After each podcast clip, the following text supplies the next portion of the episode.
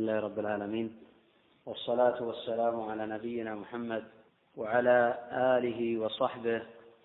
قال الإمام أبو عيسى رحمه الله تعالى في أبواب الحج الباب الثاني والثلاثون باب ما جاء في كراهية رفع اليد عند رؤية البيت. وهذا أحد الأقوال في هذه المسألة. فقد استحب ذلك قوم وكرهه طائفة وقال آخرون لا نكرهه ولا نستحبه. وقد ثبتت السنة في رفع اليدين حين النظر حين النظر إلى البيت فوق الصفا. قال أبو هريرة رضي الله عنه يوم فتح مكة قال فلما فرغ رسول الله صلى الله عليه وسلم من طوافه أتى الصفا فعلى عليه حتى نظر إلى البيت ورفع يديه. فجعل يحمد الله ويدعو بما شاء أن يدعو. رواه الإمام مسلم رحمه الله تعالى في صحيحه. وأتحدث عن هذا إن شاء الله على حديث جابر فإن المؤلف رحمه الله سوف يكرره تحت ترجمة باب ما جاء أنه يبدأ بالصفا قبل بالصفا قبل المروة. وحكم رفع اليدين حين صعود الصفا ورؤية البيت غير مسألة رفع اليدين حين رؤية البيت حين دخول المسجد. فالمسألة الأولى سنة. صح بذلك الحديث. والمسألة الثانية نتعرف على حكمها من حديث الباب. قال أبو عيسى رحمه الله تعالى حدثنا يوسف بن عيسى قال أخبرنا وكيع قال أخبرنا شعبة. وقد تقدم الحديث عن هؤلاء وهم أئمة ثقات. قال شعبة عن أبي قزعة الباهي حدث عنه ابن جريج وحماد بن سلمة وداود ابن أبي هند وآخرون من الثقات.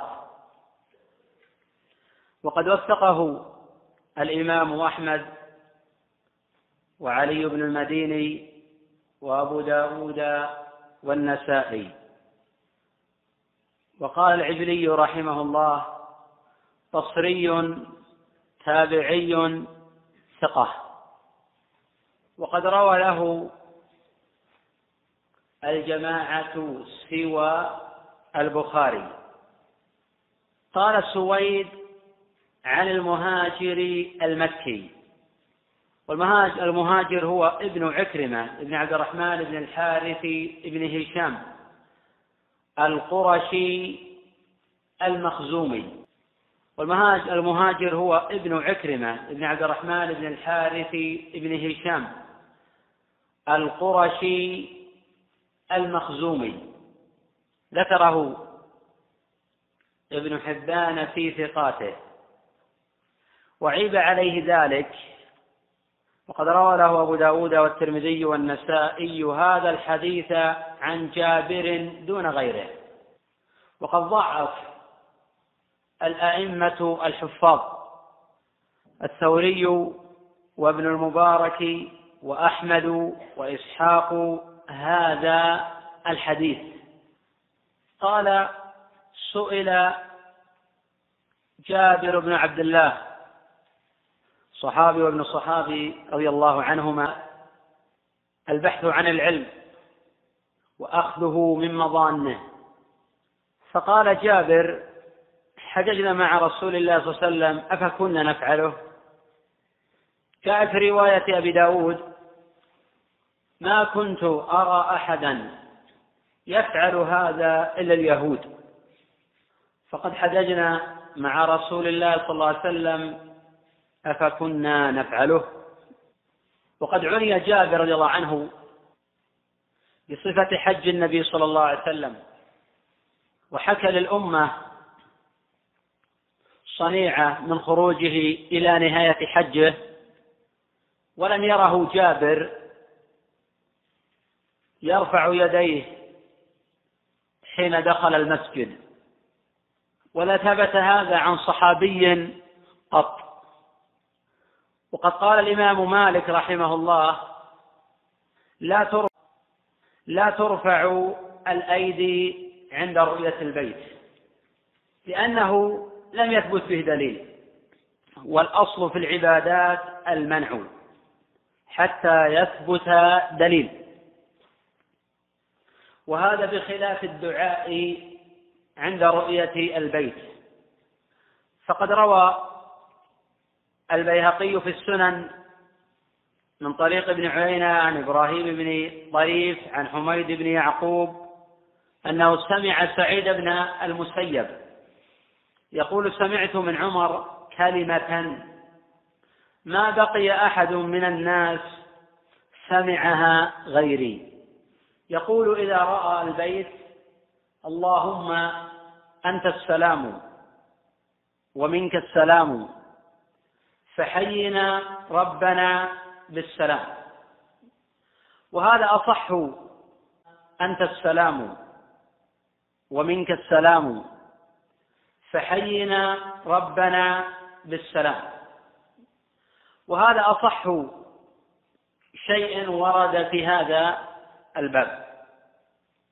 وقد ذهب أكثر الفقهاء إلى سنية رفع اليدين عند رؤية البيت.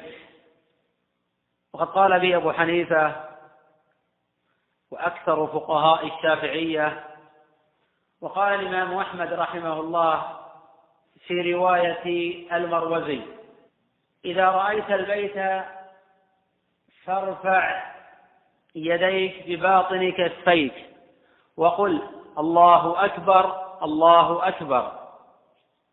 اللهم أنت السلام ومنك السلام فحينا ربنا بالإسلام. اللهم زد هذا البيت تعظيما وتكريما وإن النبي صلى الله عليه وسلم إذا نظر إلى البيت قال قال اللهم زد بيتك هذا تشريفا وتعظيما وتكريما ومهابة. رواه الطبراني في معجمه وفي سنده عاصم وفي سنده عاصم الكوزي. كذاب. وروى الشافعي من طريق سعيد بن سالم عن ابن جريج أن النبي صلى الله عليه وسلم كان إذا رأى البيت رفع يديه. وهذا مرسل ضعيف. وقد قال الإمام الشافعي رحمه الله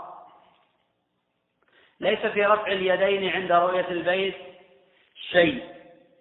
فلا أكرهه ولا أستحبه ولا أستحبه.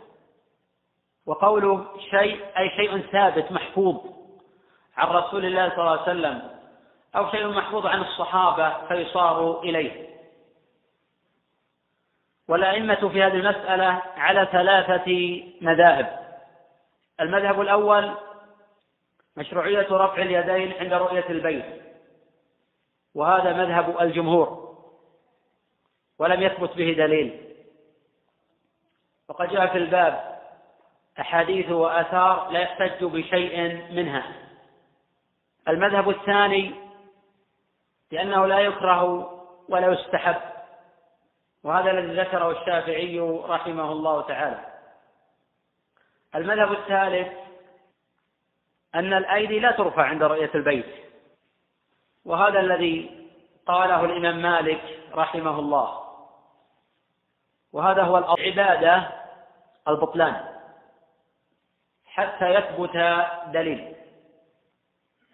ولم يثبت عن النبي صلى الله عليه وسلم ولا عن أحد من الصحابة. شيء في رفع اليدين عند رؤية البيت. وقد تقدم حديث أبي هريرة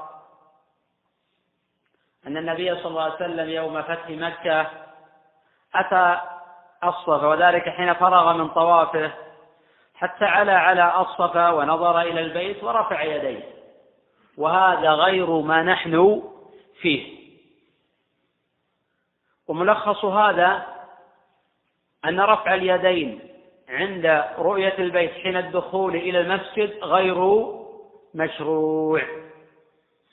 وقد قال الإمام سفيان رحمه الله تعالى إن استطعت ألا ترى الإمام سفيان رحمه الله تعالى إن استطعت ألا تحك رأسك إلا بأثر فافعل. رواه الخطيب وغيره. وخير الأمور السالفات على الهدى وشر الأمور المحدثات البدائع. قال أبو عيسى رفع اليد, اليد عند رؤية البيت إنما نعرف من حديث شعبة عن أبي قزعة. واسم أبي قزع سويد بن حجر والمعروف بأنه سويد بن حجير الباهلي. وهذا الخبر ضعفه أئمة الحديث. ولا أحفظ عن أحد من الأئمة صار إلى تصحيحه أو تحسينه. وقد أنكره الإمام سفيان ومن الناس إلا هؤلاء. فهؤلاء متفقون على ضعف حديث الباب وأنه لا يثبت. وهو دليل على أن جابرا يحكي أن رسول الله صلى الله عليه وسلم ما كان يرفع اليدين عند رؤية البيت وهذا الذي صار إليه مالك وهو الحق ولكن يعتمد في ذلك على الأصل وليس على حديث الباب لأن الاعتماد لا يتأتى إلا على الأحاديث الصحيحة وإذا لم يوجد حديث صحيح في الباب يستصحب الأصل في كل باب الأصل في الطهارة في المياه الطهارة. والأصل في العبادات البطلان. فيؤخذ يستصحب الأصل في كل باب. الأصل في الطهارة في المياه الطهارة. والأصل في العبادات البطلان. فيؤخذ من كل باب أصله ويستصحب الأصل في كل مسألة. قال الإمام أبو عيسى رحمه الله تعالى الباب الثالث والثلاثون. باب ما جاء كيف الطواف. عقد الإمام أبو عيسى رحمه تعالى هذا الباب في بيان صفة طواف النبي صلى الله عليه وسلم. وأنه حين دخل البيت استلم الحجر ثم جعل ثم جعل البيت عن يساره. ورمل ثلاثا ومشى أربعة. وحين فرغ من طوافه صلى ركعتين خلف المقام. قال أبو عيسى رحمه الله تعالى حدثنا محمود بن غيلان. وهذا هو العدوي مولاهم المروزي. نزيل بغداد. روى عنه الجماعة سوى أبي داود. قال عنه الإمام أحمد رحمه تعالى أعرفه بالحديث صاحب سنة وقد حبس بسبب القرآن. قال النسائي ثقة ووثقه أبو حاتم يحيى ابن آدم. وهذا هو القرشي الأموي. مولاهم. روى عنه جماعة من الأكابر. وثقه ابن معين وأبو حاتم والنسائي. وقال يعقوب بن شيبة ثقة كثير الحديث. مات سنة ثلاث ومئتين. روى له الجماعة. قال أخبرنا سفيان هو الثوري. عن جعفر بن محمد عن أبيه عن جابر تقدم الحديث عن هؤلاء وهم أئمة ثقات. قال لما قدم النبي صلى الله عليه وسلم مكة شرع جابر رضي الله عنه يتحدث عن صفة. قدم النبي صلى الله عليه وسلم مكة. شرع جابر رضي الله عنه يتحدث عن صفة حج النبي صلى الله عليه وسلم ويخبر عن صنيعه حين دخل مكة إلى أن خرج منها. وقد اختصر هذا الحديث الإمام أبو عيسى رحمه الله تعالى وساقه الإمام مسلم رحمه تعالى في صحيحه بتمامه. وقد اختصر الحافظ أبو عيسى هذا الخبر في مواضع من كتاب الحج وترجم له في غير موضع. وأخذ منه ما يناسب كل باب. قوله لما قدم النبي صلى الله عليه وسلم مكة دخل المسجد فاستلم الحجر. أو حاجين. يبدأون بالطواف فهو تحية البيت. ويبدأون الشوط من الحجر. ومن بدأ من دونه لم يعتد بذلك الشوط. ويؤخذ من الحديث مشروعية استلام الحجر. وقد حكى الإمام أبو محمد ابن حزم رحمه الله الإجماع على هذا. وجاء في حديث ابن عمر في البخاري قال رأيت رسول الله صلى الله عليه وسلم يستلمه ويقبله. وهذا صريح في الجمع بين الاستلام والتقبيل. التقبيل. ومن شق عليه ذلك فإنه يستلم الحجر بيده ويقبل يده. وقد قال عبد الله بن عمر رضي الله عنهما ما تركته منذ رأيت النبي صلى الله عليه وسلم يفعله. رواه الإمام مسلم رحمه الله في صحيحه. والمشروع أن يحاذي الحجر الأسود بكل بدنه. ويجزئ على الصحيح المحاذاة ببعض البدن. لأنه حكم يتعلق بالبدن فأجزأ منه البعض. ولا اعتبار للخط الموجود لمعرفة محاذاة الحجر. فإنه مبتدع. ومفاسده متعددة. وقد اعتبر الشرع المحاذاة. وكل على حسبه وعلى تقديره للمحاذاة. وبه تبرأ الذمة ولا يكلف الله نفسا إلا وسعها. قوله. ثم مضى على يمينه. حين استقبل الحجر بكل بدنه. أخذ ذات اليمين فكانت الكعبة عن يساره. وهذا واجب بالإجماع. وكل من وصف حج النبي صلى الله عليه وسلم وعمرته ذكر نحو هذا. وهذا من الأمور المتواترة التي يعلمها التي يعلمها الخاص والعام. قوله فرمل ثلاثا. يأتي الحديث إن شاء الله تعالى عن الرمل بعد قليل. فقد ترجم أبو عيسى لهذا بقوله باب ما جاء في الرمل من الحجر إلى الحجر. والرمل سنة في قول الجمهور ويختص بالرجل دون الأنثى. وقد حكاه ابن المنذر إجماعا. ولا يكون الرمل للأفاقيين إلا في طواف القدوم. ولا يكون الرمل إلا في الثلاثة الأول.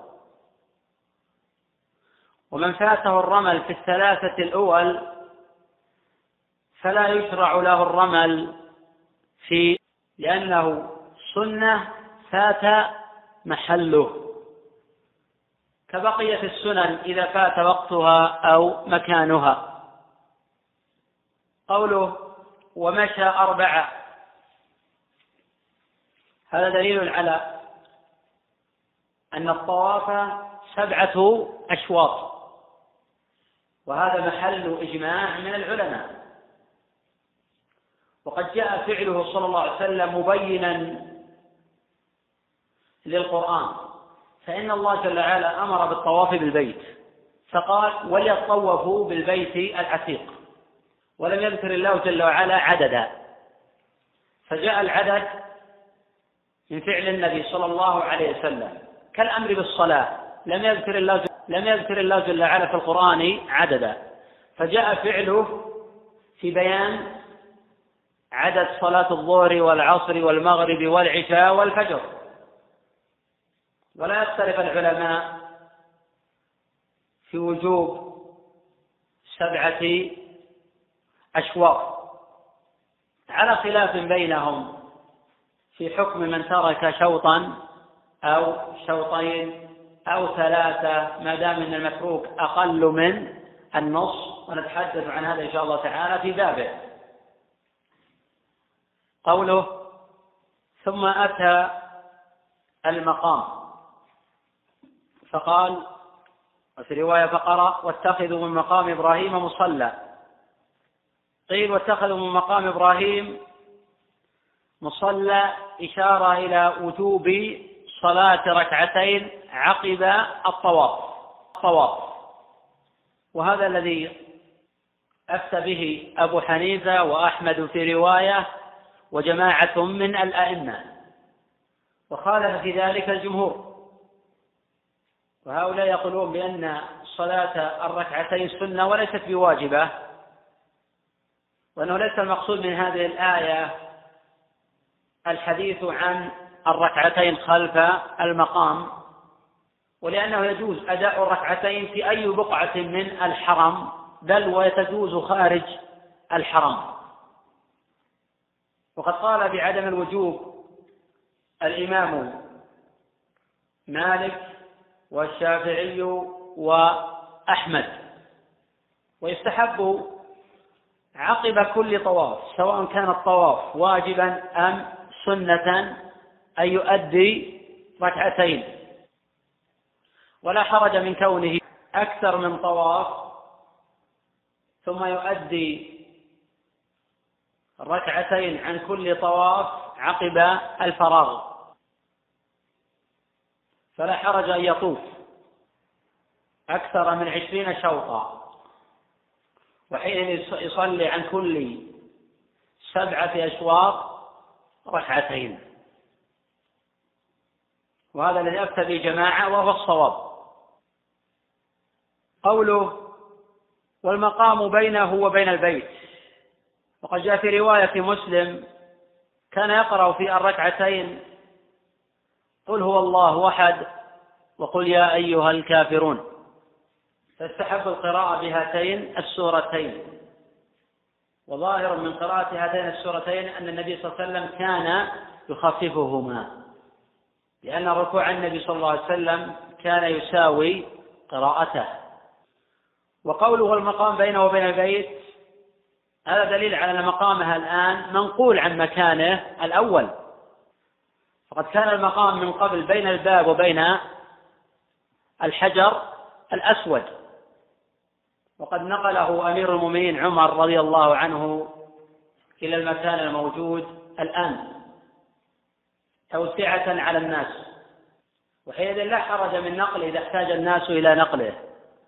وكان في مكانه ضيق على العباد فلا حرج أن يقدم أو يؤخر. لأن عمر رضي الله عنه حين نقله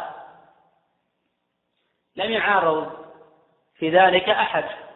والحديث صريح أن المقام كان قريبا من الكعبة لأنه كان يصعد على الحجر ولا يعقل أن يصعد على مكانه الموجود الآن ليبني البيت.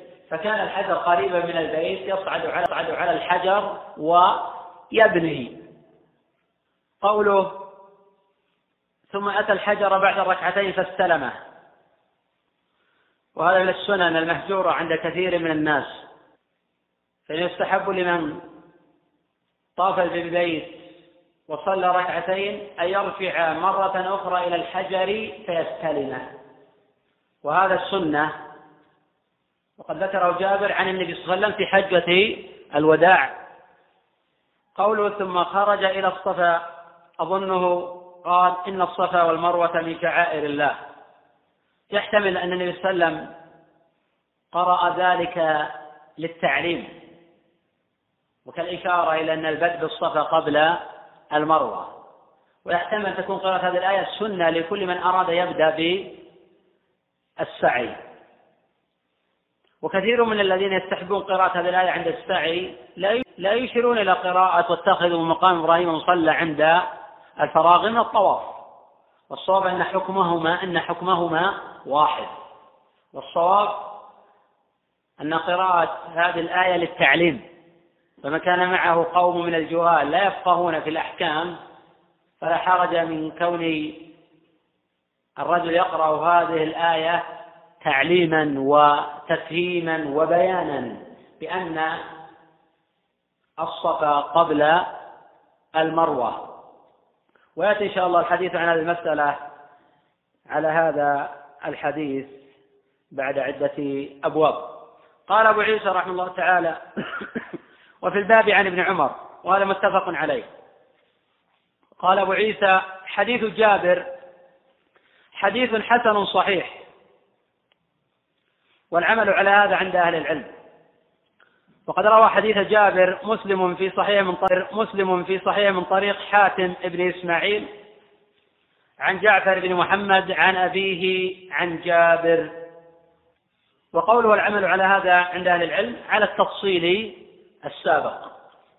قال أبو عيسى رحمه الله تعالى الباب الرابع والثلاثون. باب ما جاء في الرمل من الحجر إلى الحجر. أي هذا باب ما جاء في مشروعية الرمل من الحجر الأسود إلى الحجر أي الأسود. وقد كان سبب الرمل حين قال المشركون إنه يقدم عليكم غدا. قوم قد وهنتهم الحمى ولقوا منها شدة. فجلسوا مما يلي الحجر وأمرهم النبي صلى الله عليه وسلم يرملوا ليري المشركين جلدهم. وهذا الخبر في الصحيحين من حديث عبد الله بن عباس رضي الله عنهما. وحين حج النبي صلى الله عليه وسلم حجة الوداع رمل ثلاثة أشواط. من الحجر إلى الحجر. فكان هذا سنة إلى يوم القيامة وهو مذهب الجمهور. وقد قال عمر رضي الله عنه ما لنا وللرمل إنما كنا رأينا به المشركين وقد أهلكهم الله. ثم قال شيء صنعه النبي صلى الله عليه وسلم فلا نحب أن نتركه. رواه البخاري في صحيحه. قال أبو عيسى قال أبو عيسى حدثنا علي بن خشرم.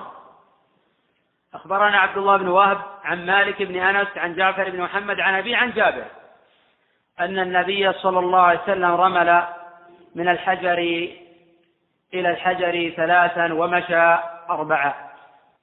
خبر رواة الثقات. وقد خرجه مسلم في صحيحه من طريق مالك عن جعفر بن محمد ومن طريق مالك وابن جريج عن جعفر بن محمد عن أبيه عن جابر أن النبي صلى الله عليه وسلم رمل. أي في طواف قدومه. وقد روى أبو داود في سنن من طريق ابن جريج عن عطاء ابن أبي رباح عن ابن عباس أن النبي صلى الله عليه وسلم لم يرمل. وقد اختلف الفقهاء في حكم الرمل للذين يحرمون من مكة. فقيل يرملون في كل طواف يعقبه سعي. وقيل لا رمل عليهم. وهذا أظهر قولي الشافعي وهو مذهب مالك وأحمد.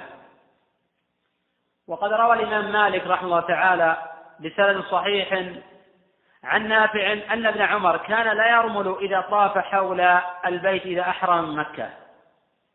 وقال ابن عباس رضي الله عنهما إنما الرمل على أهل الآفاق.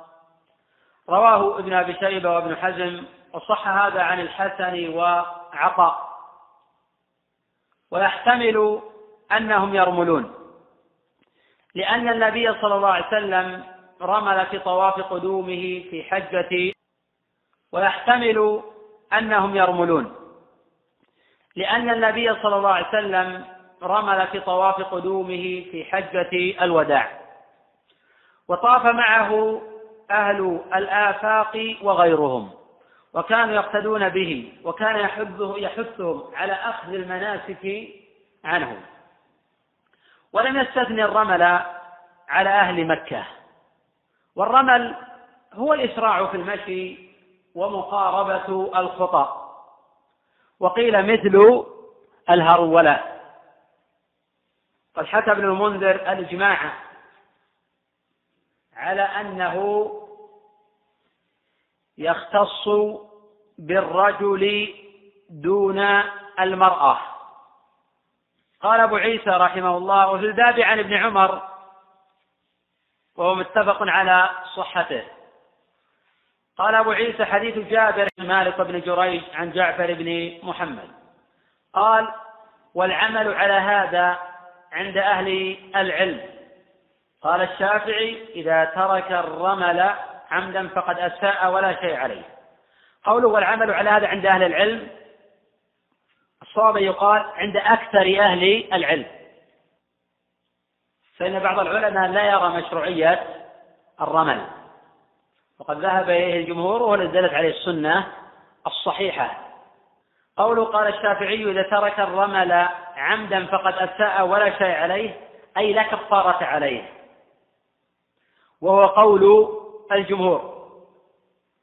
وحكي عن إبراهيم وسفيان أن عليه دما ولا دليل عليه.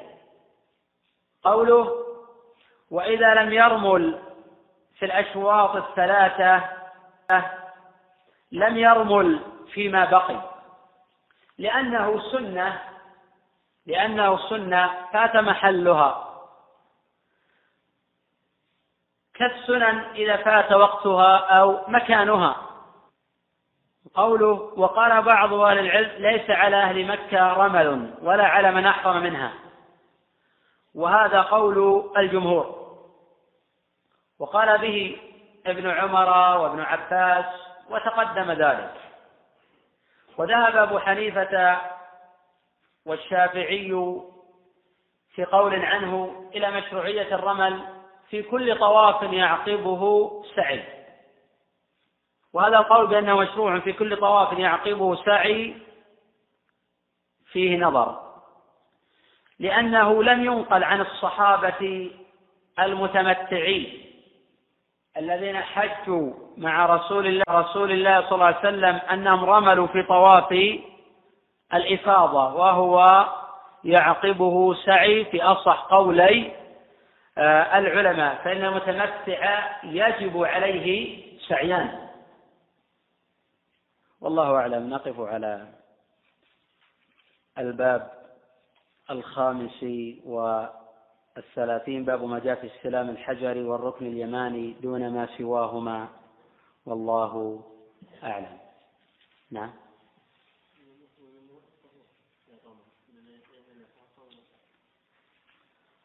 الرمل لأهل الآفاق هذا الأصل فيه وأنه في طواف القدوم. وقد يقال برمل أهل مكة في طواف أو في أول طواف لهم باعتبار أن النبي صلى الله عليه وسلم حين رمل في طواف القدوم في حجة الوداع كان معه أهل مكة وكان يرمل. ولا بين النبي صلى الله عليه وسلم هذه المسألة هل يرملون أو لا يرملون؟ يرملون. ابن عمر رضي الله عنه كان إذا أحرم مكة لم يرمل. وهذا اللي نص ابن عباس وأن الرمل لأهل الآفاق. وهذا قول الجمهور. فالقول بأن الرمل في كل طواف يعقب السعي هذا ضعيف. لكن يبقى الإشكال في آه، رمل أهل مكة في أول طوافهم في البيت. هذا محل اشتمال.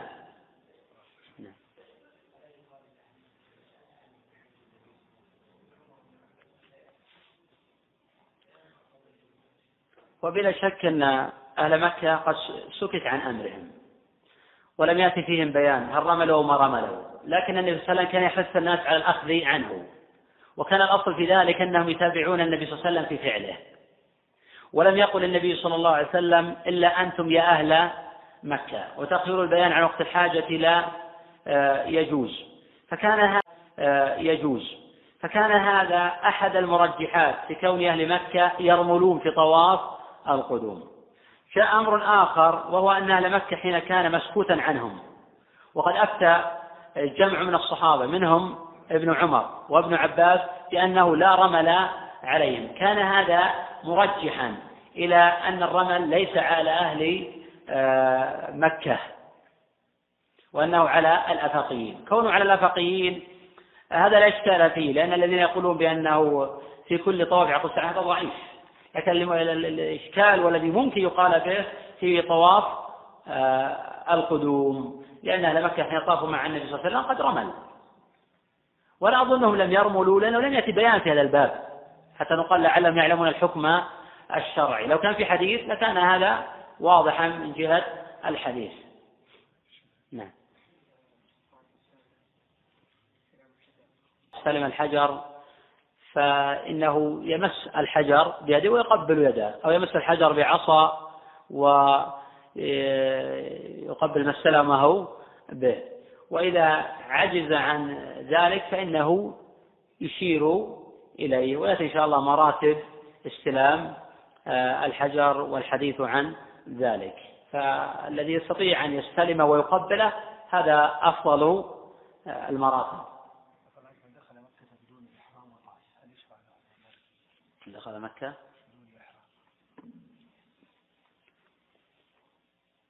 وطاف وطاف بالبيت. الأخ يقول من دخل مكة غير حج ولا معتمر.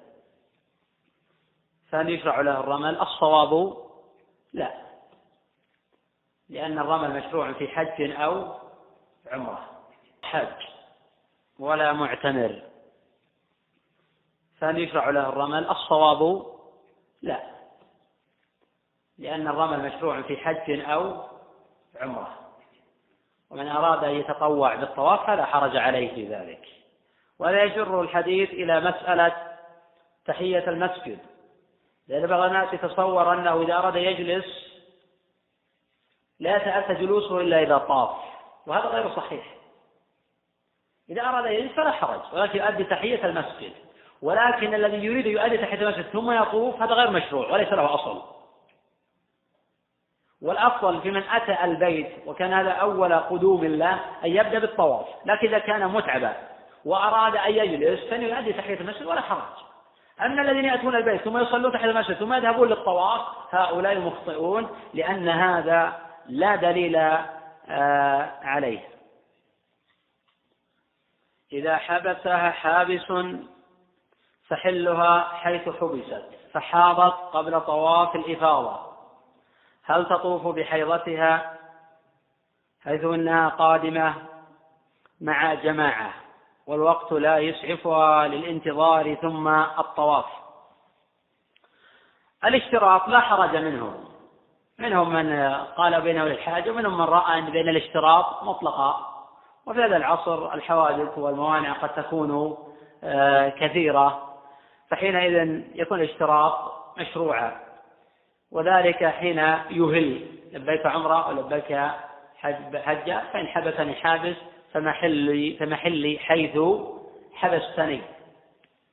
وأكثر العلماء يرون هذا في الأمور التي خارجة عن قدرة الإنسان وعن تقديره بخلاف الحيض.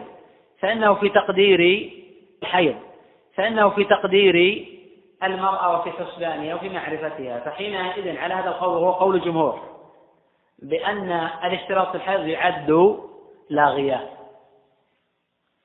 وقد أفتى طائفة من العلماء بأن الاشتراط في الحيض مشروع شأن في ذلك شأن بقية الأمراض. وحين اشترطت على ربها فلها ما اشترطت ولكن يبقى الحديث عن سؤال هذا الأخ من باب آخر حيث يقول لأن قادم مع جماعة والوقت لا يسعفه للانتظار ثم الطواف. الجواب قد أفتى جمع من العلماء منه شيخ الإسلام ابن تيمية وابن القيم وجماعة بأن المرأة إذا أتت مع رفقة وحاضت ولا تستطيع الانتظار ولا تستطيع الرواح إلى بلدها ثم الرجوع.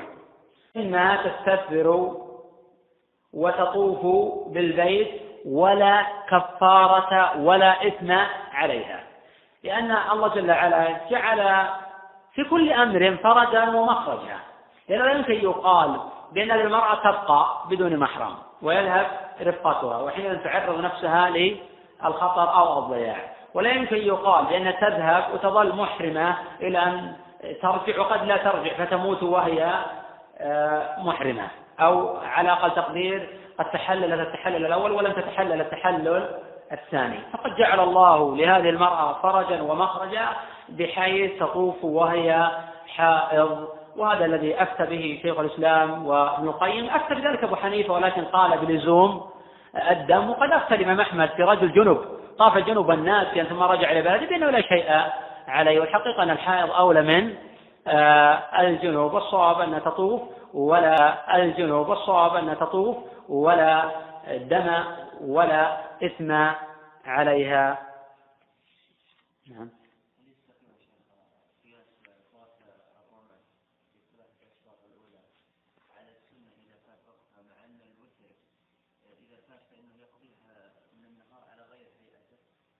هذا متعلق بالزمان وهذا متعلق بالمكان. يختلف القضاء في الأحكام المتعلقة بالزمان عن الأحكام المتعلقة بالمكان. الحكم المتعلق بالزمان يختلف عن الحكم المتعلق بالمكان. إذا فاتت الشيء المتعلق بزمان لعذر فإنه يقضى. إذا فاتت الراتبة القبلية للظهر تقضى بعد الظهر. الراتبة البعدية تقضى بعد العصر. فات الوتر يقضى بين الأذان والإقامة. هذا الأخ يقول ماذا يقول عند بداية الطواف؟ يقول الله أكبر مرة واحدة خلافا للعامة يقولون الله أكبر الله أكبر الله أكبر يكبرون ثلاثة. وأما قول بسم الله فهذا جاء عن ابن عمر رضي الله عنهما عمر رضي الله عنهما وإسناده صحيح رواه الطبراني وغيره ولكنه لم يثبت عن النبي صلى الله عليه وسلم وكل من وصف حج النبي صلى الله عليه وسلم ووصف عمرته لم يذكر عنه أنه يبسمل. فالاقتصار على ما فعل النبي صلى الله عليه وسلم هو السنة. وقول بسم الله اجتهاد من ابن عمر فليشرع قول ذلك فالاقتصار إذن على قول الله أكبر ويقول ذلك مرة واحدة والرجل وال في والرجل والمرأة في ذلك آه، سواء. ويأتي إن شاء الله الحديث عن هذه المسألة وعن آه، آه، نظائرها في الأبواب القادمة في تراجم أبي عيسى رحمه الله تعالى. طبعا في أسئلة أيضا غير متعلقة بالطواف نتناولها إن شاء الله لعله بعد درس التوحيد نعم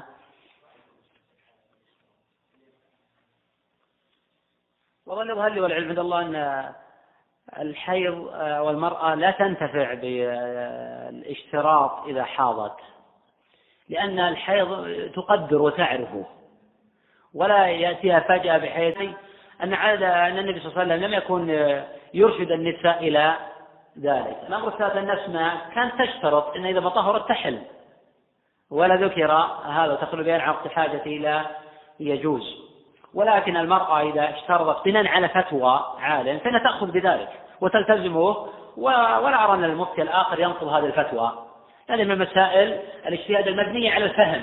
إن ليس هناك نص المسألة بين الحاض لا تشترط حتى نقف عند هذا النص. هذه مسألة مبنية على الاجتهاد. إذا أفتى عالم امرأة آه، في أن إذا اشترط فلها ما اشترطت لا أرى أن المفتي الآخر ينقض الفتوى أو يجهل من أفتى بذلك ولا سيما له سلفا وهذه المسألة مبنية على الفهم وقد كان الشافعي وغيره من الأئمة يقولون كلامنا الصواب يحتمل الخطأ وكلام غيرنا خطأ يحتمل الصواب ولا داعي للإنسان آه، يفرض رأيه واجتهاد على الآخرين متسلحا بقول آه، الجمهور. الجمهور.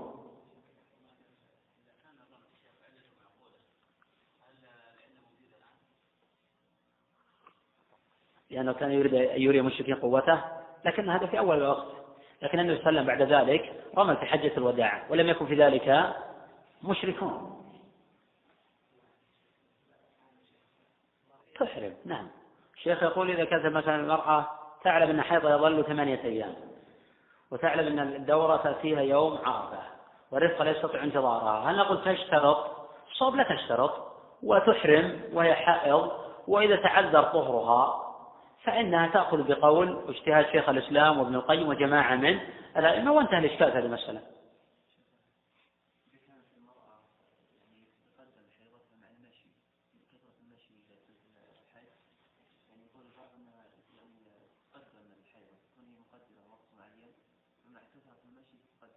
حتى لو فاجأ الأحكام المتقدمة إن استطاعت أن تنتظر تنتظر وهذا واجب عليها. إن عجز على الانتظار تسافر إلى بلدها ثم ترجع. إن شق ذلك عليها ولا يتأتى. تطوف وهي حائض يعتبر هذا من باب آه، الحاجة. لأن الله جل وعلا لابد أن يجعل للعبد فرج ومخرجا في كل قضية.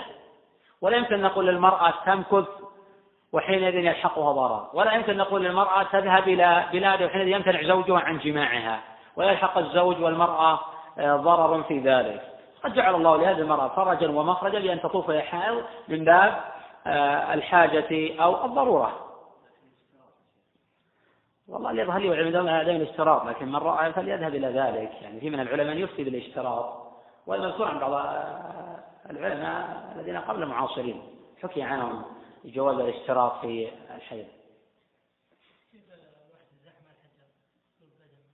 لا ليس بمشروع. المرأة والرجل يزاحمان المرأة والرجل يزاحمان على الحجر. المرأة كالرجل. آه، إذا استطاعت أن تقبل الحجر تستلمه فإنه مشروع لا ذلك كالرجل. ولكن إذا أراد يزاحم فإن المزاحمة قد تؤدي إلى أذية الآخرين وأذية الآخرين محرمة والاستلام سنة. فلا إنسان يرتكب محرما ليؤدي سنة. كذلك المرأة لا تعرض آه، نفسها وبدنها للفتنة لتؤدي سنة ينبغي للمرأة أن تجتنب مزاحمة الرجال أن يحصل في ذلك من المحرمات الشيء الكثير من فتنة الرجال أو أن تتعرض آه، لخطر مزاحمة الرجال. لتؤدي آه، السنة الابتعاد عن ذلك أولى. والإنسان ممكن يترك السنة لمصلحة آه، أكبر ومن نية يعمل السنة يجر على ذلك لأن نية المؤمن أبلغ من عمله. وقد قال النبي صلى الله عليه وسلم ان العمل بالنيات والخبر متفق عليه. وفي الصحيحين قال صلى الله عليه وسلم إن بالمدينة لاقواما ما سرتم مسيرا ولا قطعتم واديا إلا وهم معكم إلا وهم معكم. قال يا رسول الله نحن نقاتل ونجاهد وهم في المدينة يشاركون في الأجر. قال النبي صلى الله عليه وسلم حبسهم العذر. الحمد لله رب العالمين والصلاة والسلام على نبينا محمد وعلى آله وصحبه. قال الإمام أبو عيسى الترمذي رحمه الله تعالى الباب الخامس والثلاثون. باب ما جاء في استلام الحجر والركن اليماني دون ما سواهما أي دون الركنين الشاميين. لأنهما لم يبنيا على قواعد إبراهيم ولم يأتي عن النبي صلى الله عليه وسلم حديث قط في استلام الركنين الشاميين. وقد كان النبي صلى الله عليه وسلم يقتصر يقتصر على استلام الركنين اليمنيين. والاستلام هو مسحه بيده. وهذا سنة. قال أبو عيسى حدثنا محمود بن غيلان أخبرنا عبد الرزاق أخبرنا سفيان ومعمر. وهؤلاء تقدم الحديث عنهم وهم ثقات. قال سفيان ومعمر عن ابن خثيم هو عبد الله ابن عثمان ابن خثيم المكي حليف بني زهرة.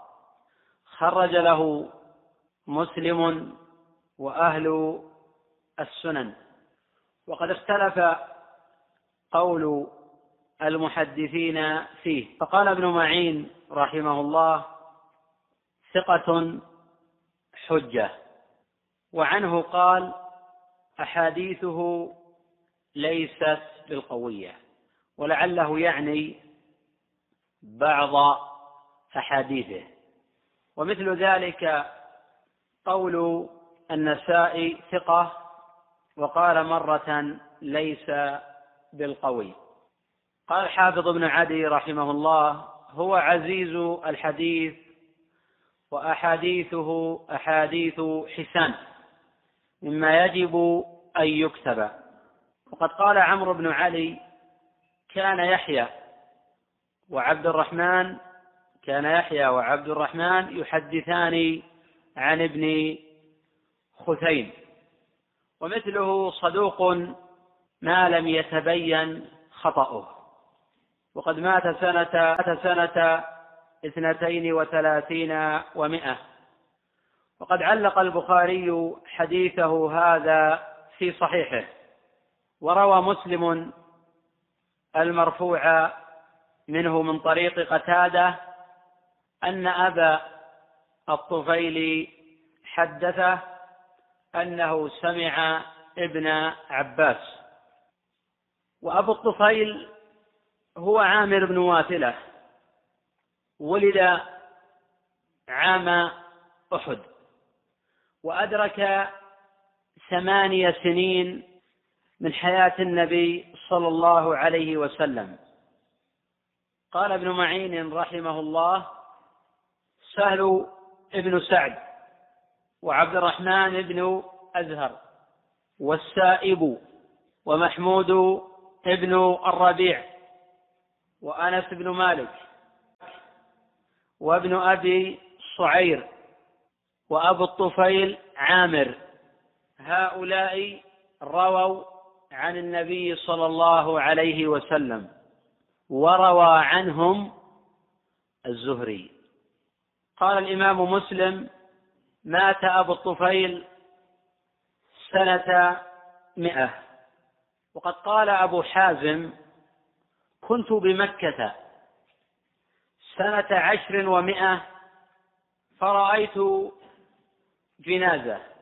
فسألت عنها فقالوا هذا أبو الطفيل. وقد روى له الجماعة. قال أبو الطفيل كنا مع ابن عباس ومعاوية لا يمر بركن إلا استلمه. لا يمر بركن من اليمن أو الشامي إلا استلمه أي مسحه بيده. وهذا اجتهاد منه. ولم يكن رضي الله عنه في فعله معتمدا على رواية. ولذلك بادره ابن عباس وهو أعلم منه وأفقه بقوله إن النبي صلى الله عليه وسلم لم يكن يستلم إلا الحجر الأسود والركن اليماني. وهذا متواتر عن النبي صلى الله عليه وسلم. فقال معاوية ليس شيء وهذا متواتر عن النبي صلى الله عليه وسلم. فقال معاوية ليس شيء من البيت مهجورا. يظهر من هذا أن معاوية رضي الله عنه يعلم بكون النبي صلى الله عليه وسلم يقتصر في استلامه على الحجر الأسود على الركن اليماني ولكنه لا يرى أن هذا الأمر توقيفي. ولذلك علل بقوله ليس شيء من البيت مهجورا. وهذا فيه نظر من وجوه. الأول أن ترك استلام الركنين الشاميين لا يسمى هجرا بأي وجه من الوجوه. الثاني أن السنة الثابتة صريحة في استلام الركنين اليمانيين فقط. هجر مشروع بنص السنة. فإن النبي صلى الله عليه وسلم لم يستلم الركنين الشاميين. وترك ما ترك النبي صلى الله عليه وسلم كفعل ما فعل. وهذا محض الاتباع. وقد قال الإمام الشافعي رحمه الله تعالى على قول من قال ليس شيء من البيت مهجورا قال بأن لم ندع استلامهما هجرا للبيت. وكيف يهجره وهو يطوف به. ولكن نتبع السنة فعلا أو تركا. ولو كان ترك استلامهما هجرا لهما لكان ترك استلام ما بين الأركان هجرا لها ولا قائل به. قال أبو عيسى رحمه الله وفي الباب عن عمر والمحفوظ في الباب عن ابن عمر. خرجه البخاري ومسلم ولعله هو المقصود ولعله هو المقصود. فسقط من النساخ ابن. قال أبو عيسى حديث ابن عباس حديث حسن صحيح. وقد علقه البخاري في صحيحه بقوله وقال محمد بن بكر أخبرنا ابن جريج أخبرني عمرو بن دينار عن أبي الشعثة أنه قال ومن من البيت وكان معاوية يستلم الأركان. فقال له ابن عباس إنه لا يستلم هذان الركنان. فقال ليس شيء من البيت مهجورا. وعلق البخاري عن ابن الزبير بقوله وكان ابن الزبير رضي الله عنه وكان ابن الزبير رضي الله عنه يستلمهن كلهن. وهذا وصله ابن أبي شيبة وغيره. وقد روى مالك في الموطأ عن هشام ابن عروة أن أباه كان إذا طاف بالبيت يستلم الأركان كلها. وكان لا يدع اليمانية إلا أن يغلب عليه. قال أبو عيسى رحمه الله والعمل على هذا عند أكثر أهل العلم ألا يستلم إلا الحجر الأسود والركن اليماني أي دون الركنين الشاميين فلا يشرع استلامهما لأن الرواية لم تأت به وهذا مذهب أكثر الأئمة من الصحابة والتابعين والأئمة المتبوعين. قال الإمام أحمد رحمه الله لا تستلم من الأركان شيئا إلا ما كان من الركن اليماني والحجر الأسود. فإن زحمك الناس ولم يمكنك الاستلام فامضي وكبر. والصواب أن التكبير حين العجز عن الاستلام مختص بالحجر الأسود ولم يثبت في الركن اليماني وحينئذ يتجاوزه دون تكبير لأنه لم يأتي به نص. وبعض الناس حين يمر بالركن اليماني يقبله وهذا غلط. فإن السنة جاءت بالاستلام دون غيره والتقبيل يختص به الحجر الأسود. وكونه جاء عن بعض العلماء تقبيل الركن اليماني لا يجعله الحجر الأسود. وكونه جاء عن بعض العلماء تقبيل الركن اليماني لا يجعله مشروعا. فهذا اجتهاد بدون نص ثابت. وحديث ابن عباس قال كان النبي صلى الله عليه وسلم يقبل الركن اليماني ويضع خده عليه. رواه الدار قطني. فهذا متروك. قال الإمام أحمد رحمه الله إنما يستلم الركن اليماني. ولا يقبل إلا الحجر الأسود وحده. قال أبو عيسى رحمه الله تعالى الباب السادس والثلاثون. باب ما جاء أن النبي صلى الله عليه وسلم طاف وسلم طاف مطبعا.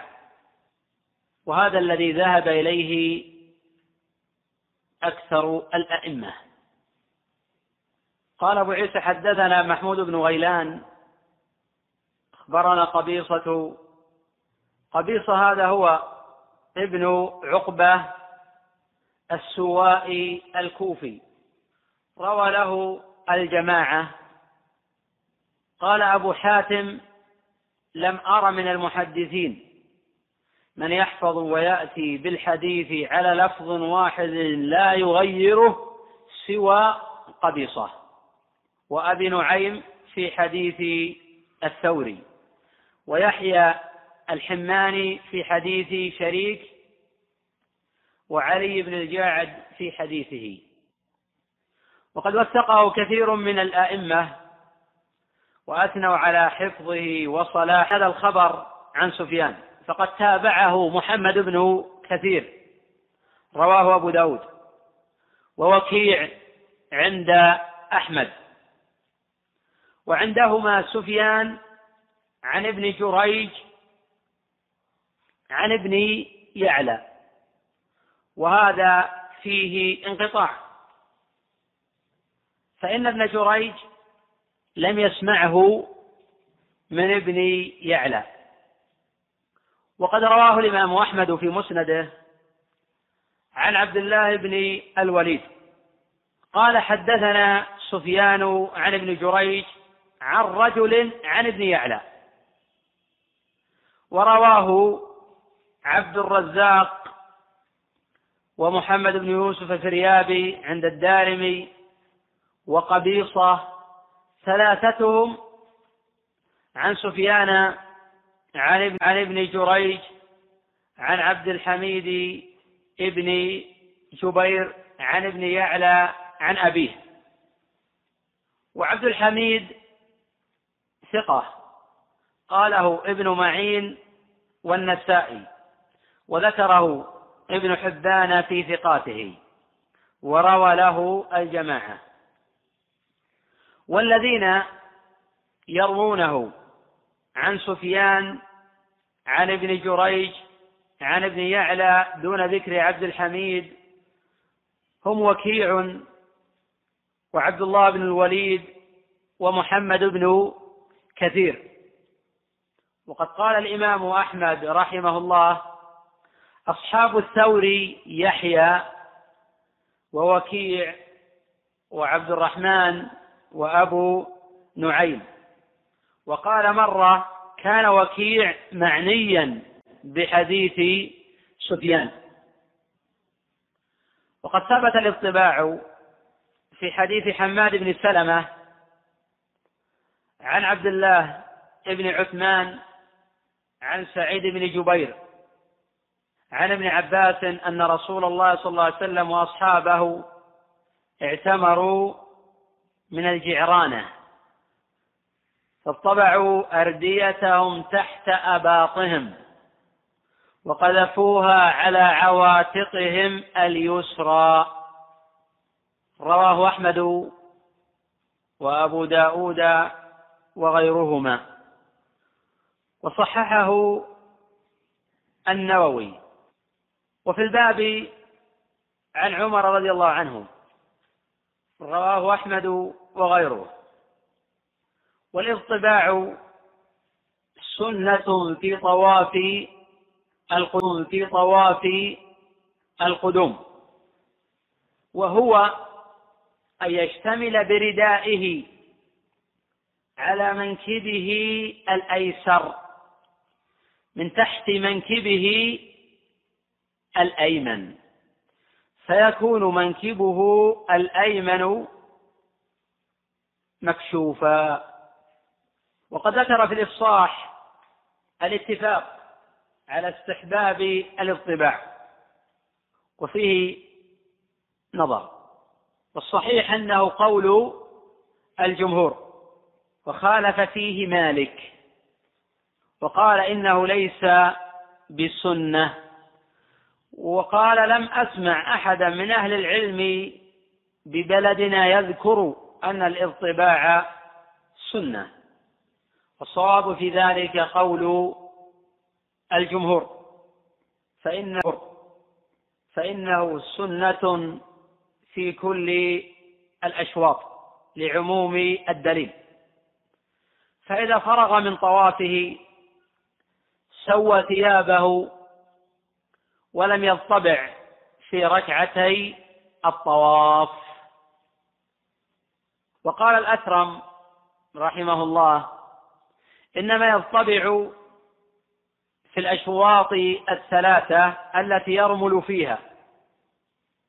لأن الاطباع إنما هو معونة على الرمل وإنما فعل تبعا له. فإذا لم يرمل لم يضطبع وهذا خلاف ظاهر الخبر. وقد اختلف العلماء في حكم الاطباع في السعي. فقال الشافعي يطبع فيه لأنه أحد الطوفين وفيه نظر فإن النص لم يأت به. قال الإمام أحمد رحمه الله ما سمعت فيه شيئا وقال ابن قدامة رحمه الله في المغني والقياس لا يصح إلا فيما عقل معناه. وهذا تعبد محض. قال أبو عيسى هذا حديث الثوري عن ابن جريج لا نعرفه إلا من حديثه. وقد رواه أحمد في مسند من حديث عمر بن هارون عن ابن جريج عن بعض بني يعلى. وهذا لا يصح. قال أبو عيسى وهو حديث حسن صحيح. أشرت قبل قليل إلى علة خفية إلى علة خفية فيه. فقد رواه وكيع وهو من أعلم الناس بحديث سفيان عن ابن جريج عن ابن يعلى ولم يذكر عبد الحميد. وتقدمت الإشارة إلى حديث ابن عباس في الباب. قال الإمام أبو عيسى رحمه تعالى الباب السابع والثلاثون. باب ما جاء في تقبيل الحجر. هذا باب ما جاء في سنية تقبيل الحجر أي الأسود دون الركن اليماني. فإنه يستلم ولا يقبل في أصح قولي العلماء لأنه لم يثبت في ذلك خبر. رأيت عمر بن الخطاب يقبل الحجر ويستحب فعل هذا في كل طوفة ما لم يشق. وهذا مسنون في حق الرجل والمرأة. ولا يشرع لأحد أن يؤذي كي يقبل لأنه قد يرتكب محرما وهو يريد أداء سنة وهذا ليس من الفقه في شيء. ولا يرفع الصوت في التقبيل. وقد قال سعيد بن جبير رحمه الله تعالى إذا قبلت الركن فلا ترفع بها صوتك كقبلة النساء. ذكر ذلك عنه الفاكهي وغيره. عنه الفاكهي وغيره. وروى ابن ماجه والحاكم من طريق محمد بن عون عن نافع عن ابن عمر قال استقبل رسول الله صلى الله عليه وسلم الحجر فاستلمه. ثم وضع شفتيه عليه طويلا يبكي. ثم التفت فإذا هو بعمر يبكي فقال يا عمر ها هنا تسكب العبرات. وهذا خبر منكر. وقد اتفق الحفاظ على تضعيف محمد بن عون. وقد اختلف العلماء في حكم السجود عليه. السجود عليه. فقال مالك بأنه بدعة. وقال الأكثرون لا حرج منه فقد فعله ابن عباس وسنده صحيح. رواه الشافعي والعقيلي وغيرهما. وجاء عن عمر وروي مرفوعا إلى رسول الله صلى الله عليه وسلم ولا يصح. وقد قال الإمام أحمد رحمه الله في رواية الأثرم ويسجد عليه. وقد حسن الإمام أحمد رحمه تعالى حديث ابن عباس. قوله يقبل يقبل الحجر ويقول إني أقبلك وأعلم أنك حجر. وقد جاء في رواية البخاري لا تضر ولا تنفع ضر ولا تنفع. وجاءت هذه الزيادة في صحيح مسلم من حديث ابن سرجس عن عمر. وقد قال الحافظ الطبري رحمه تعالى إنما قال ذلك عمر لأن الناس كانوا حديثي عهد بعبادة الأصنام. فخشي عمر أن يظن الجهال أن استلام الحجر من باب تعظيم بعض الأحجار. كما كانت العرب تفعل في الجاهلية. فأراد عمر أن يعلم الناس أن استلامه اتباع لفعل رسول الله صلى الله عليه وسلم. لا لأن الحجر ينفع ويضر بذاته كما كانت الجاهلية تعتقده في الأوثان. ويؤخذ من هذا التسليم لحكم وسنة رسول الله صلى الله عليه وسلم في كل صلى الله عليه وسلم في كل أمور الدين. ويؤخذ من هذا حسن الاتباع. وقد قال الإمام سفيان رحمه الله تعالى إن استطعت ألا تحك رأسك إلا بأثر فافعل. رواه الخطيب وغيره. قوله ولولا أني رأيت رسول الله صلى الله عليه وسلم يقبلك لم أقبلك. وهذا فيه إشارة إلى أن التقبيل محض اتباع لرسول الله صلى الله عليه وسلم وأنه لم لم يقبل النبي صلى الله عليه وسلم فلا يشرع حينئذ التقبيل. ويؤخذ من هذا أيضا حين لم يستلم النبي صلى الله عليه وسلم الركنين اليمنيين لم يشرع استلامهما. فيقتص على ما استلم من الركنين اليمنيين دون الشاميين. ويؤخذ من هذا أن تقبيل الحجر سنة. وقد حكاه غير واحد إجماعا.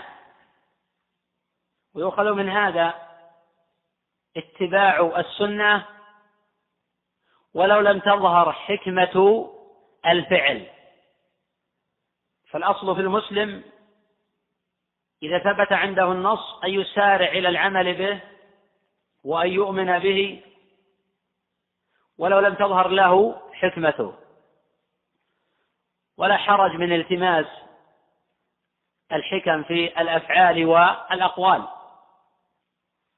وإذا لم تظهر له حكمة فلا يعني هذا أنه لا يبادر ولا يسارع إلى العمل هذا من ضعف الإيمان.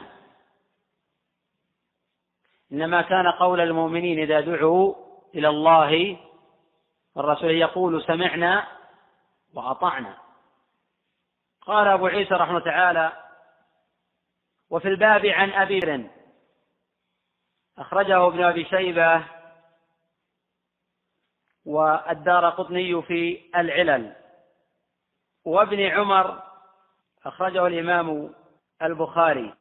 قال أبو عيسى حديث عمر حديث حسن صحيح وقد أخرجه مسلم من طرق عن أبي معاوية ورواه البخاري من طريق سفيان عن الأعمش ورواه البخاري ومسلم من طريق زيد بن أسلم عن أبيه عن عمر ورواه مسلم من طريق ابن شهاب عن سالم عن أبيه أن عمر قبل الحجر الحديث. ورواه من طريق أيوب عن نافع عن ابن عمر أن عمر. ورواه من طريق عبد الله بن سرجس قال رأيت عمر. ورواه من طريق سويد بن غفلة قال رأيت عمر رأيت عمر قبل الحجر والتزمه. وقال رأيت رسول الله صلى الله عليه وسلم بك حفية. وهذا يفيد أنه متواتر. قال أبو عيسى والعمل على هذا عند أهل العلم يستحبون تقبيل الحجر. وقد قال ابن عمر رأيت رسول الله صلى الله عليه وسلم يستلمه ويقبله. رواه البخاري. وهذا صريح في مشروعية الجمع بينهما والاستلام هو مسحه بيده. قال أبو عيسى فإن لم يمكنه أن يصل إليه استلمه بيده وقبل يده. جاء هذا في صحيح مسلم من حديث ابن عمر وجاء في صحيح مسلم من حديث أبي الطفيل قال رأيت رسول قال رأيت رسول الله صلى الله عليه وسلم يطوف بالبيت ويستلم الركن بمحجن معه ويقبل المحجن. وقال عطاء رأيت جابر بن عبد الله وابن عمر وأبا سعيد وأبا هريرة إذا استلموا قبلوا أيديهم. رواه الشافعي وغيره. قوله وإن لم يصل إليه استقبله إذا حاذى به وكبر وهو قول الشافعي. وقال نحو هذا البغوي في شرح السنة. وقال بعض العلماء يرفع يديه ويكبر. ذكر ذلك عبد الله بن الإمام أحمد عن أبيه. وقيل ويكبر. قال ابن عباس رضي الله عنهما طاف النبي صلى الله عليه وسلم بالبيت على بعير. كلما أتى الركن أشار إليه بشيء كان عنده وكبر.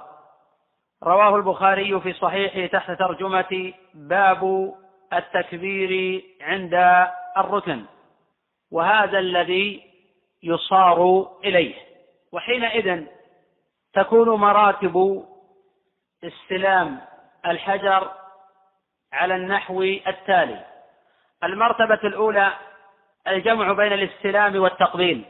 جاء هذا صريحا في حديث ابن عمر رواه البخاري وغيره. المرتبة الثانية استلامه باليد أو بشيء معه ويقبل ما استلمه به. هذا صريحا في حديث ابن عمر رواه مسلم أن يستلم أو يقبله وعجز عن مسه بشيء فإنه يشير إليه ويكبر ولا يقبل ما أشار به والتكبير مرة واحدة فلا يشرع العدد في هذا. وأما التسمية عند بدء الطواف فلم يثبت في ذلك شيء عن رسول الله صلى الله عليه وسلم. وقد جاءت عن ابن عمر والإسناد إليه صحيح ولكن كل من وصف طواف النبي صلى الله عليه وسلم لم يذكر تسمية من وجه صحيح. يقتصر على فعل النبي صلى الله عليه وسلم. وحكم المرأة في ذلك كالرجل. وهذا كله على وجه الاستحباب. من فعله فقد تسمية من وجه صحيح. يقتصر على فعل النبي صلى الله عليه وسلم. وحكم المرأة في ذلك كالرجل. وهذا كله على وجه الاستحباب. من فعله فقد أحسن ومن لا فلا حرج. وهذا كله في مراتب الحجر الأسود. وأما الركن اليماني فله مرتبة واحدة فقط وهي الاستلام. دون تقبيل أو تكبير.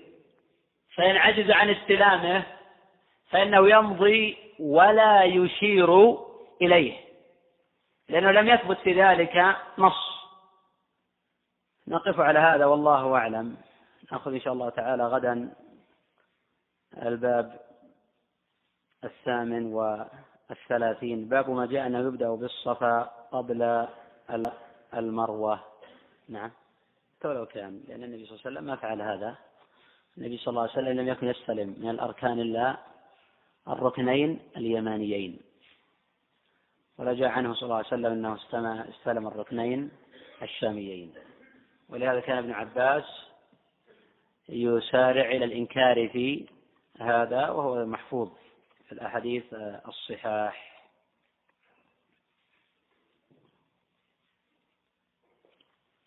نعم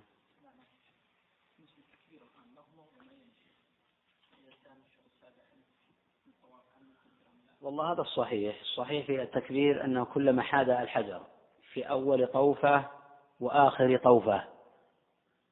ومثله الدعاء عند الصفا والمروة. يبتدئ بالصفا ويختتم بالمروة.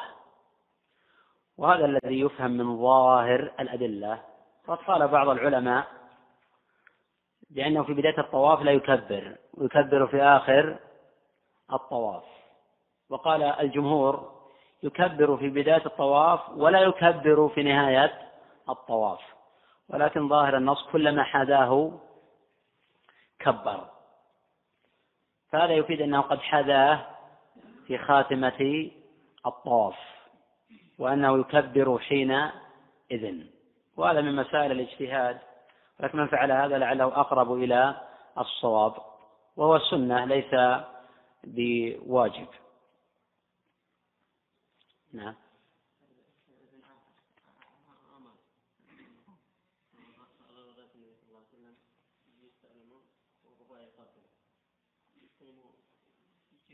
يمسحه بيده. قلت الاستلام هو مسحه باليد.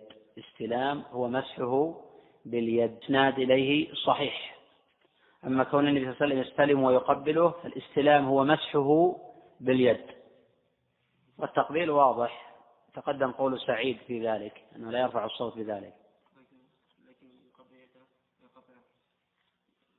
قبل الحجر يا أخي. حديث عن الحجر ليس حديث عن اليد. الأخ يقول ما المقصود بالسجود على الحجر الأسود؟ أي أن يضع جبهته وأنفه؟ على الحجر كما يضع جبهته وأنفه على الأرض. الأخ يقول هل الاطباع يشرع في طواف الإفاضة؟ وهل يشرع الرمل فيه؟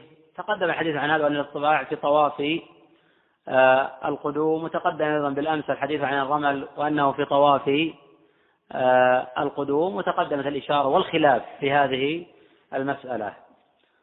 يجب طواف الوداع على المعتمر. هذه مسألة خلافية. منهم من أوجب طواف الوداع على المعتمر كقول الشافعي وقول للحنابلة ومنهم لم ير ذلك واجبا وهو قول الجمهور ولعله أقرب إلى الصواب لأن النبي صلى الله عليه وسلم اعتمر أربع عمر ولم يذكر عنه أنه ودع. وأما طواف الوداع في الحج فإنه واجب ولكنه رخص عن الحائض كما جاء هذا في الصحيحين. نعم.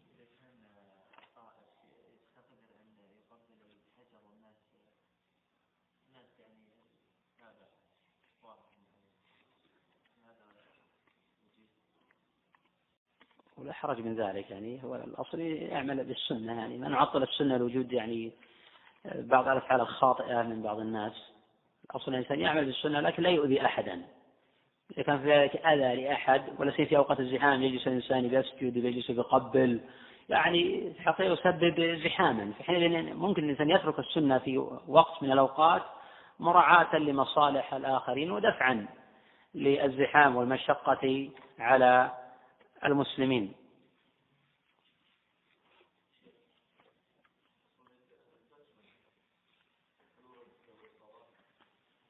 نعم. أشرت إلى هذا قلت أن البسملة لم تثبت عن النبي صلى الله عليه وسلم. لا في بداية الطواف ولا في وسطه ولا في آخره.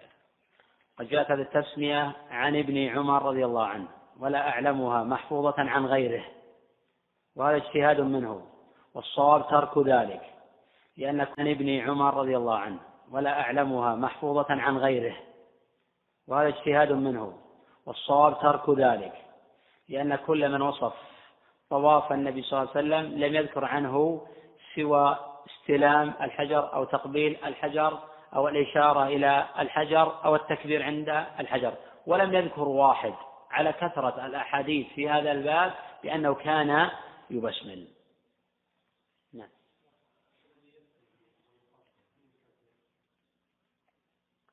ظاهر النص أن النبي صلى الله عليه وسلم استلمه وقبله.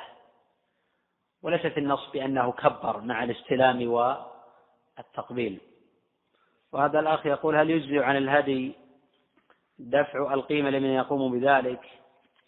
إن كان هذا وكيلا عنك وتثق فيه فلا حرج من ذلك حيث يذبحها في الحرم وتوزع على في الحرم. وتوزع على فقراء الحرم.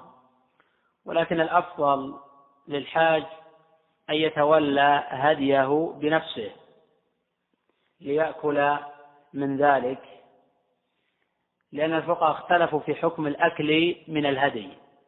منهم من قال بأنه واجب وهذا الذي اختاره آه، الشنقيطي رحمه الله تعالى صاحب أضواء البيان. وقال الجمهور بأن الأكل سنة. والذين يوكلون في ذبح الهدي عنهم تفوتهم هذه السنة. حري بالمسلم إذا حج. ضرب آلاف أو مئات الكيلوات للوصول إلى البلد الحرام.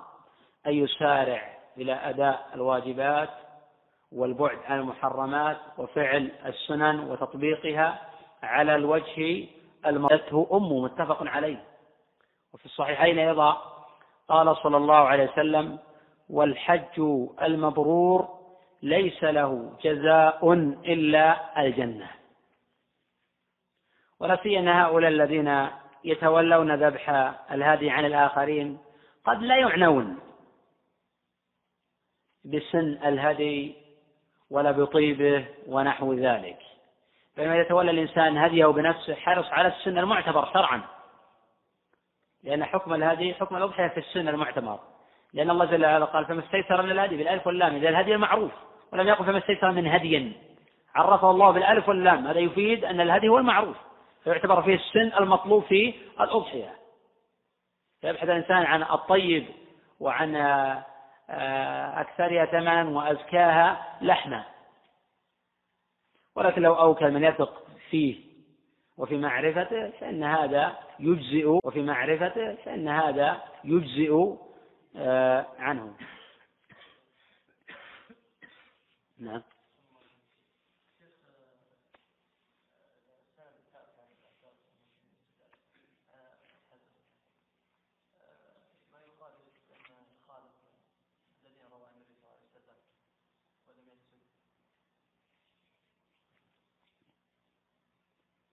ورد عن النبي صلى الله عليه وسلم إنه سجد على الحجر الأسود لكنه ضعيف. رواه الحافظ أبو يعلى رحمه الله تعالى ورواه غيره أيضا. ولكن المحفوظ أنه موقوف وليس بمرفوع ولا يصح رفعه إلى رسول الله صلى الله عليه وسلم. فقد روي عن عمر وثبت عن ابن عباس وحكي عن جماعة من أئمة السلف. الأخ يقول ما تقولون في من يقول بأن إيجابيات الخط الموضوع الآن للتكثير في محاذاة في محاذاة الحجر أكثر من سلبياته ويقول بأن من إيجابياته أنه تعليم للعوام. العوام يعلمون بمجرد المحاذاة وإذا وجد خطأ في المحاذاة فإن هذا الخطأ مغتفر. والله جل وعلا حين شرع هذا الأمر والنبي صلى الله عليه وسلم حين شرع المحاذاة كان معروفا بأن الناس تتفاوت نظرتهم إلى المحاذاة. ومع هذا عمم هذا الأمر. وفي نفس الوقت قاعدة مضطردة. خلاف من زعم أن القاعدة غير مضطردة هي مضطردة ولكن لمن يفهم؟ والذي لا يفهم والذي يدعي الاضطراب والتناقض في هذه القاعدة. كل أمر ومن ادعى أن هناك شيء يخرج عن القاعدة فجد به نتحدث عنه. كل أمر انعقد سببه انعقد سببه في عصر النبي صلى الله عليه وسلم أو في عصر الصحابة ولم يفعلوه مع إمكانية فعله فعمله بدعة. فهذه القاعدة مضطردة. حديث عن القاعدة في باب الوسائل. لأن الوسائل نوعان. منهم من يقول الوسائل تعبدية وهذا غلط. ومنهم من يقول أن الوسائل غير تعبدية وهذا غلط. والصواب أن الوسائل نوعان. نوع تعبدي ونوع لا في مجال الاجتهاد. النوع الأول التعبدي الذي انعقد سببه في عصر النبي صلى الله عليه وسلم أو في عصر الصحابة ولم يفعلوا بشرط مع إمكانية فعله. فحينئذ ليس لنا أن نفعله كالخط للطواف والخط في تسوية الصفوف والاحتفالات المقامة الآن لتخريج دفعة لحفظ القرآن تخريج دفعة لحفظ القرآن ونحو ذلك. هذه احتفالات غير مشروعة. النوع الثاني الذي لم ينعقد سببه أو انعقد سببه ولم يمكن فعله كمكبرات الصوت وأشرطة التسجيل ونحو ذلك. هذه غير داخلة في القاعدة. لأنه يشترط في ذلك شرطان.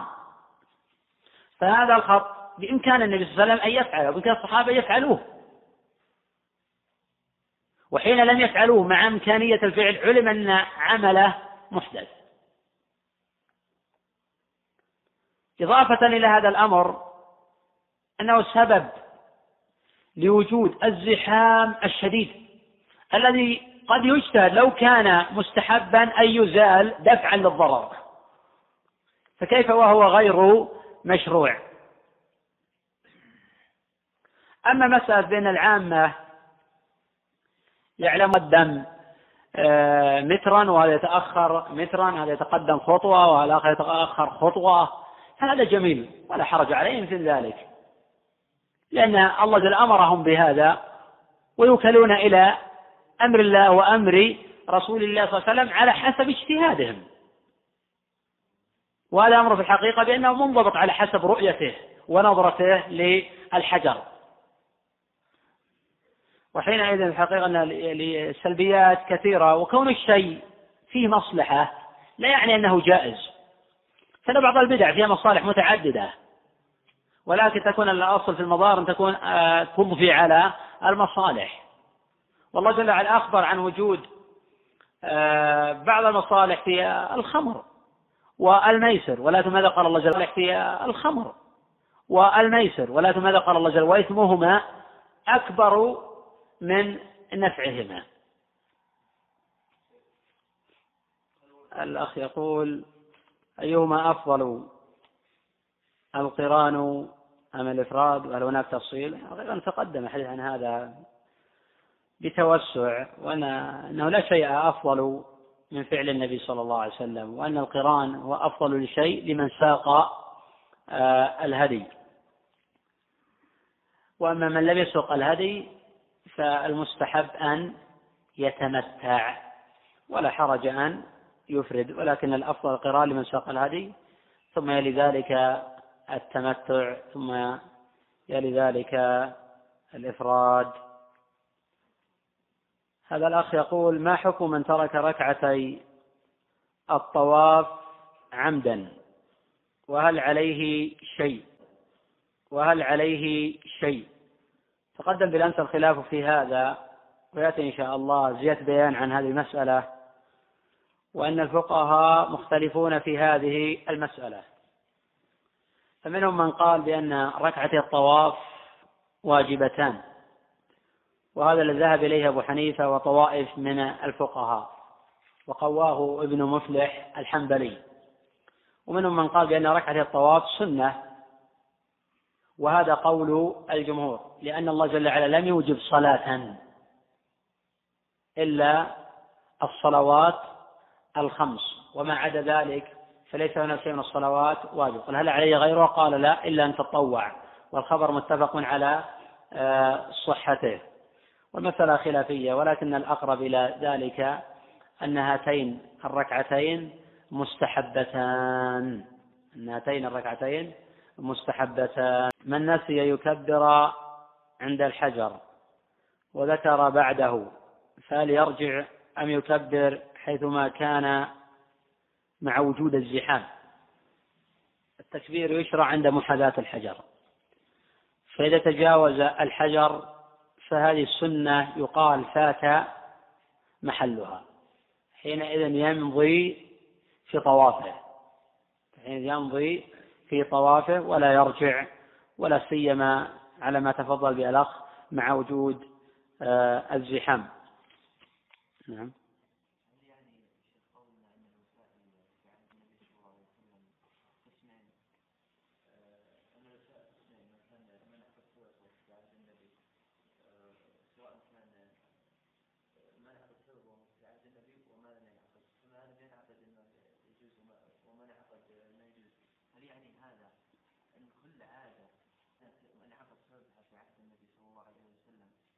عادة هو وسيلة مرتبطة بعبادة فرق. أنا قلت أن الأمر نوعان نوع الأول العبادات. فالنبي صلى الله عليه وسلم من أحدث في أمرنا هذا ما ليس منه فهو رد. والبدعة الإحداث في الدين بدون دليل هذه غاية. إذا كل عبادة لم يفعلها السلف هي بدعة على الإطلاق. النوع الآخر الوسائل. النوع الآخر الوسائل وليس من العادات الوسائل. الوسائل نوعان قلت. نوع انعقد سببه في عصر النبي صلى الله عليه وسلم ولم يفعله مع إمكانية فعله. فهذا عمل غير مشروع عمل بدعة. النوع الثاني لم ينعقد سببه أو انعقد سببه ولم يمكن فعله. فهذا لا حرج آه، منه. هذا السائل يقول أنا رجل ذبحت الهدي وكان بجواري رجل فقير ثم سلمته الهدي كاملا فل على شيء الهدي كاملا فل على شيء لا شيء عليه لكن هذا للمستقبل ان الإنسان إذا ذبح هدية أن يأكل منه لفعل النبي صلى الله عليه وسلم. والله جل وعلا يقول لقد كان لكم في رسول الله آه، أسوة حسنة. هذا السائل يقول عندي شخص قد زرته في السجن وجريمته قتل وهو لم يحج فرضه فهل يحج عنه؟ لأنه ربما يحكم عليه بالقصاص.